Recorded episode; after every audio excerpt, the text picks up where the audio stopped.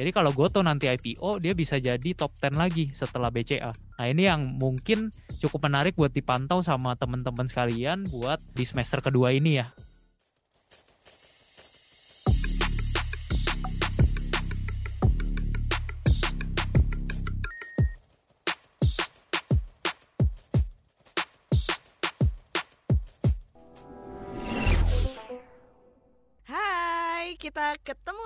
Podcast Market Movers. Kali ini di edisi 19 Juli 2021 Kembali lagi bersama saya Ines Nirmala Di podcast kolaborasi antara KBR dan Kata Data Yang khusus menghadirkan informasi dan panduan praktis Outlook market sepekan ke depan.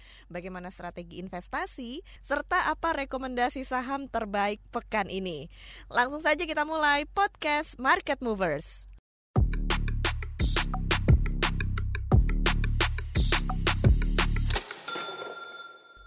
Mengawali perdagangan awal pekan ini, Indeks harga saham gabungan atau IHSG dibuka melemah di mana IHSG turun ke level 6062 melemah 0,16 persen dibanding penutupan perdagangan akhir pekan kemarin di level 6072 dan juga indeks LQ45 terkoreksi 0,24 persen ke level 845.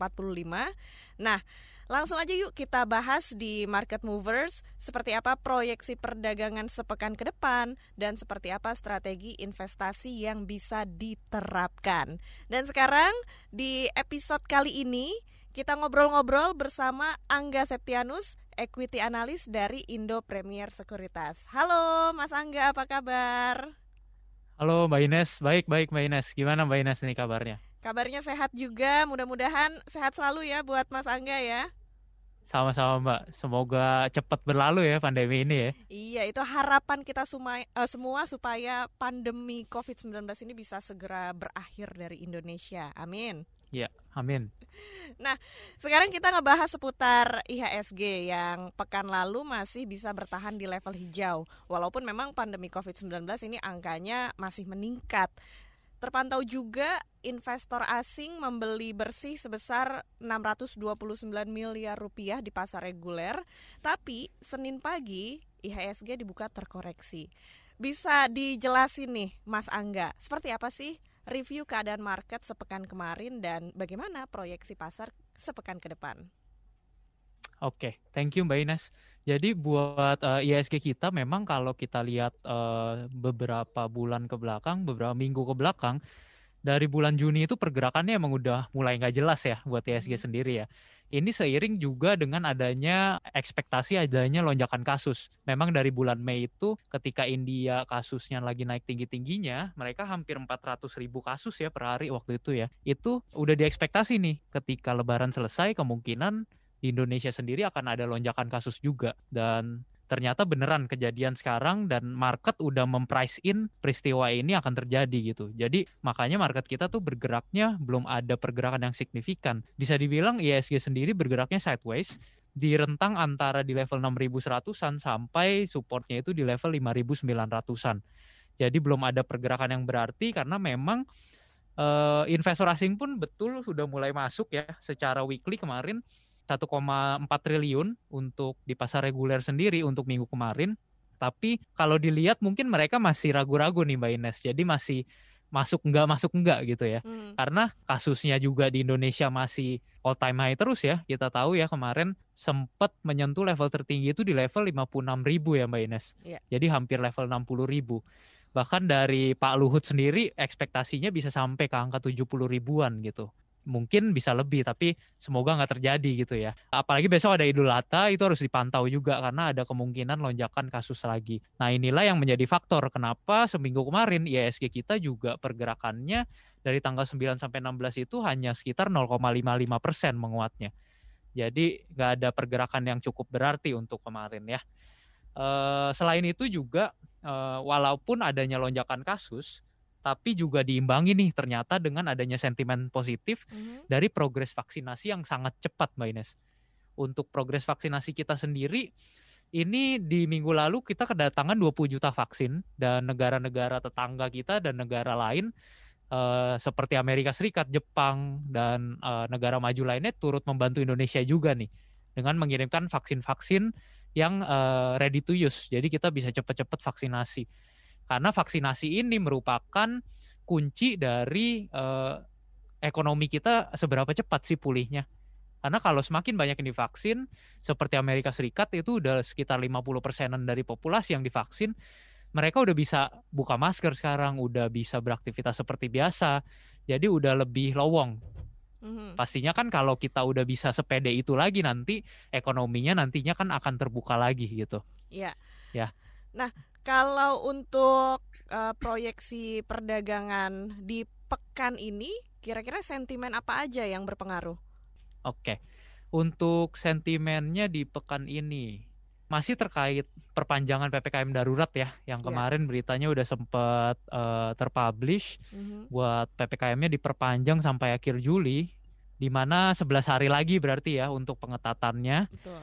Uh, sebenarnya untuk PPKM ini sih udah dilihatnya lebih ke arah positif sama market sendiri ya Mbak, karena ketika PPKM-nya diterapkan artinya kan pemerintah put effort berupaya untuk menekan uh, penyebaran dari si COVID ini. Karena kalau nggak dibatasi, nggak kebayang deh kayak gimana lagi tuh kenaikan kasusnya kan. Hmm. Tentunya ini jadi sentimen positif untuk uh, bursa kita, untuk market kita.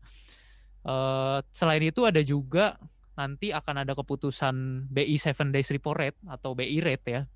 Itu uh, suku bunga Bank Sentral BI kita ekspektasikan akan tetap tertahan di level tiga setengah persen sih untuk dari kita sendiri karena uh, kemungkinan pemerintah dengan level segini pun dirasa udah cukup nih nggak perlu diturunkan atau belum waktunya untuk dinaikkan lagi gitu. Selain itu juga ada uh, kenaikan kasus COVID di global yang perlu kita pantau juga karena di kalau kita lihat negara tetangga sekarang seperti Thailand dan negara Asia lainnya udah mulai lockdown lockdown lagi nih Australia pun beberapa negara bagian udah mulai lockdown lagi gitu. Mm-hmm. Nah, eh, kalau berkepanjangan kan sebenarnya nggak bagus buat kinerja ekspor impor kita nantinya kan, karena kita kan bergantung sama negara lain ya mbak, yeah. buat eh, berdagang cari keuntungan gitu. Jadi perlu dipantau kenaikannya apakah dihandle dengan baik oleh negara-negara tersebut. Karena baru keluar juga mbak ekspor impor kita mm. datanya update sedikit. Untuk ekspor impor kita itu kemarin surplus kita kita kembali surplus lagi secara neraca perdagangan. Artinya kita lebih banyak ekspor dibanding impornya. Tapi yang menarik adalah eh, ekspor dan impor kita dua-duanya meningkat nih di bulan Juni ini. Artinya aktivitas ekonomi udah mulai berjalan layaknya seperti biasa lagi. Karena impor barang baku udah mulai banyak lagi. Artinya kegiatan manufaktur udah mulai berjalan seperti biasa lagi. Kayak gitu Mbak Ines. Iya. Nah kita juga memang masih melihat bagaimana keputusan perpanjangan PPKM darurat ini. Dan tadi ada beberapa sentimen yang disebutkan Mas Angga. Misalnya dari BI rate dan juga ekspor impor. Ini yang akan mempengaruhi juga situasi pasar pergerakannya seperti apa sepekan ke depan ya. Betul. Iya. Nah, ini kalau kita membicarakan uh, informasi yang baru-baru ini dari komisaris BEI yang bilang kalau ada empat unicorn yang berpotensi listing, uh, yaitu Bukalapak, GoTo, GNT, dan Traveloka, dengan potensi kapitalisasi pasar jumbo senilai sampai dengan 30 111 triliun rupiah. Nah, gimana nih pandangan Mas Angga terkait fenomena kehadiran unicorn yang akan masuk ke pasar modal? Oke, kalau buat unicorn sendiri yang udah confirm baru Bukalapak dan Goto ya. Mm-hmm. Kalau untuk Traveloka dan satu lagi tadi sorry JNT. Uh, JNT ya, itu memang belum ada uh, update lagi kan terkait IPO-nya mereka gitu. Tapi mungkin nggak IPO dalam waktu dekat uh, sampai tahun ke depan? Saya rasa mungkin banget ya kalau buat yang dua lagi itu. Tapi untuk buka lapak sendiri ini secara valuasi memang kalau kita baca-baca dan kita hitung dari laporan keuangannya secara price to sales ratio memang secara kasat mata over value ya karena di angka 48 sampai 51 kali.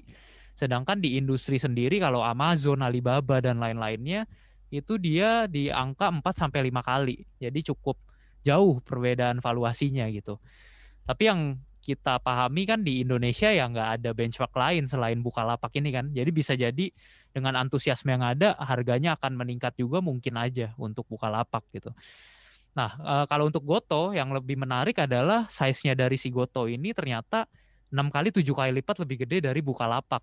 Jadi valuasinya itu bisa sekitar 500-an triliun. Jadi kalau Goto nanti IPO, dia bisa jadi top 10 lagi setelah BCA. Nah ini yang mungkin cukup menarik buat dipantau sama teman-teman sekalian buat di semester kedua ini ya. Kalau ada IPO dari si Goto ini. Nah mungkin nggak untuk mendongkrak ISG IPO dari unicorn ini? Mm -hmm. Mungkin aja ketika investor-investor lebih tertarik ke unicorn ini dan nantinya investor luar mungkin melihat potensi yang ada jadi tertarik untuk ikutan masuk juga ya melalui kepemilikan di startup-startup ini. Jadi kemungkinan akan selalu ada ya. Selain itu juga selain unicorn ada yang menarik juga Mbak Ines. Karena IPO anak BUMN juga ada ya di tahun yeah. ini. Anak dari Pertamina, perusahaan gas negara dan juga anak dari Telkom ya. Mitra Tel itu juga cukup menarik untuk dipantau. Oke. Sip. Nah, kalau untuk prospek saham teknologi di masa mendatang ini bagaimana? Seperti apa yang bisa dicermati oleh kita sebagai investor? Uh, uh, kalau untuk prospek ke depan ya, prospeknya sih Indonesia populasinya cukup banyak dan istilahnya mau jual apa pun gampang di Indonesia gitu ya. Otomatis provider-provider untuk uh, e-commerce e-commerce ini maksudnya itu akan berkembangnya pesat juga sih seharusnya ya. Mempertimbangkan populasi yang ada dan konsumerisme dari masyarakat Indonesia juga gitu. Jadi kalau untuk prospek bagus, prospek uh, bagus tapi kita perlu pantau lagi laporan keuangannya nanti. Bukalapak IPO nih, tapi nanti setelah beberapa tahun setelah IPO dia bisa mencetak keuntungan nggak? Karena kalau yang kita lihat sekarang aja Bukalapak secara operating kan masih negatif. Beban iklan dan beban administrasinya dia lebih besar. Dan financingnya mereka selalu positif, artinya dia selalu disuntik modal baru oleh pemegang saham existing sekarang. Nah, nanti dilihat perkembangannya, laporan keuangannya seperti apa. Karena laporan keuangan fundamental akan e, mencerminkan harga sahamnya seharusnya sih. Gitu Mbak Ines. Oke. Nah, selanjutnya kalau kita membicarakan seputar saham yang masih bagus atau layak buat dikoleksi bagi para investor nih di pekan ini, apa aja saran-sarannya? Berarti untuk swing mingguan ya, kurang lebih mungkin ya. Mm. Oke, untuk swing mingguan di minggu ini kita ada dari tiga sektor ya. Yang pertama ada dari IDX Basic.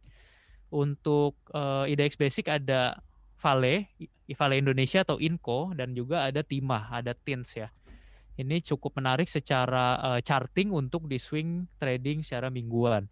Lalu yang kedua ada IDX Energy, itu ada ITMG atau Indo Tambang Raya, ada Harum Energy, HRUM, dan ada AKR Koporindo, Akra. Yang ketiga ada IDX Finance, ada uh, Arto atau Bank Jago ya. Ini secara tren juga masih baik untuk di swing mingguan. Oke, jadi dari sektor energi, finance, dan juga basic tadi ya. Yeah. Untuk saham yang layak dikoleksi untuk pergerakan minggu ini. Kalau untuk saran nih Mas Angga melihat hmm. situasi di pasar saat ini, bagaimana kita sebagai investor untuk melakukan strategi dalam investasi, terutama untuk anak-anak milenial nih ya? Ya. Uh, Oke, okay. jadi pertama-tama mungkin dibedain dulu ya mindsetnya mau dari awal ini mau investasi atau mau trading. Hmm. Tradingnya pun uh, ada trading kan macam-macam ya, ada day trading, ada uh, scalping bahkan yang lebih pendek lagi, ada juga swing trading. Mm-hmm. Jadi harus ditentuin dulu mau time frame-nya berapa lama. Karena jangan sampai ketika kita beli saham untuk trading, ketika turun disimpan untuk investasi. Mm-hmm. Jadinya nyangkut gitu ya. Betul. ya. Nah, kalau untuk investasi ini yang penting kita lihat fundamentalnya. Misalnya kalau mau beli saham batu bara, saham mining, dilihat komoditasnya, harga komoditasnya atau uh, kalau yang baru belajar bisa coba masuk ke saham-saham yang memang lebih defensif terhadap hmm. siklus ekonomi. Hmm. Contohnya saham perbankan dan juga saham consumer goods. Itu consumer goods lebih tahan banting ibaratnya dibanding uh, kalau uh, terpapar oleh krisis gitu ya. Tapi dilihat juga consumer goods-nya yang memang perusahaannya masih bertumbuh secara pendapatan dan secara laba bersih gitu.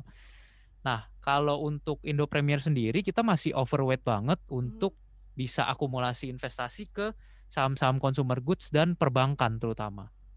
Dan ketiga ada telco juga. Untuk uh, consumer goods kita ada ICBP rekomendasi untuk buy dengan target price ada di level 11.800 mbak. Iya. Jadi masih cukup menarik. Lalu ada dari sektor uh, perbankan juga masih cukup menarik semuanya secara valuasi. Mm -hmm. Ada Bank BCA rekomendasi buy dengan target di 36.000, Bank BRI target di 4.600, Bank Mandiri target di 8.400 dan Bank BNI di 8.000 rupiah. Jadi karena perbankan ini kalau ekonomi pulih ikutan pulih juga cukup menarik untuk dikoleksi saat ini ya. Itu yeah. untuk uh, investasi. Oke, jadi untuk investasi itu tadi yang dari sektor perbankan atau consumer goods ya yang bisa yeah. kita pilih, bisa kita lihat juga. Nah, ini terakhir nih Mas Angga, uh, ada saran apa buat teman-teman dalam berinvestasi uh, khususnya uh, di tengah kondisi pandemi COVID-19 yang masih terus berlanjut dan uh, masih banyak sentimen-sentimen uh, lainnya juga yang mungkin bisa mempengaruhi atau menekan pasar. Uh, apakah harus berhati-hati di pekan ini atau bagaimana sebaiknya yang diterapkan oleh para investor? Investasi atau yang udah investasi sebenarnya di kondisi pasar seperti ini justru jadi sarana yang baik buat kita belajar ya sebagai investor ya karena investor itu biasanya jam terbangnya yang diukur dan mentalnya kan. Kalau market bullish semuanya juga jago gitu ya, Mbak Ines ya. Mm -hmm. Untuk investasi semuanya naik gitu. Tapi sebenarnya yang diuji adalah keputusan kita di saat market seperti ini. Apakah kita tetap stick sama rule yang kita udah bikin atau ternyata kita gampang goyah nih mentalnya. Jadi manfaatkan aja buat sekarang kalau mau investasi maupun trading di market kayak gini, nggak perlu khawatir. Karena nantinya kalau vaksinasi udah berjalan dengan lancar, kita sekarang itu udah di sekitar 15% dari populasi yang menerima satu dosis vaksin ya. Mm-hmm. Dan ini cukup baik di negara Asia Tenggara lainnya. Kalau nanti udah bisa seperti normal lagi, pastinya market kita juga akan ikutan naik gitu. Kinerja bisnis akan pulih lagi. Jadi untuk sekarang, kalau yang mau investasi jangan lupa stick to fundamental ketika saham downtrend bisa diakumulasi dengan cara dollar cost averaging dicicil tiap bulan. Jadi jangan di all in di satu harga. Mm-hmm. Kalau yang mau trading jangan lupa trading plannya. Kayak gitu aja sih Mbak Ines. Iya, jadi memang kondisi sekarang ini bisa jadi kesempatan buat kita semua dalam berinvestasi ya. Yes. Betul. Thank you banget Mas Angga Septianus, equity analis dari Indo Premier Sekuritas yang udah ngobrol-ngobrol dan juga ngasih insight seputar perdagangan sepekan ke depan dan juga apa strategi investasi yang bisa kita terapkan. Sekali lagi thank you Mas ya. Angga. Thank you Mbak Ines, semoga semuanya dapat knowledge baru nih ya di sini dan pencerahan. Iya, yang pastinya juga bisa menguntungkan buat kita semua dalam berinvestasi. Ya. Sampai ketemu lagi di podcast Market Movers edisi Senin minggu depan persembahan KBR dan Kata Data. Jangan lupa juga untuk follow podcast Market Movers di KBR Prime atau aplikasi mendengarkan podcast lainnya. Dan akhir kata saya Ines Nirmala pamit. Sampai jumpa lagi. Salam cuan. Dah.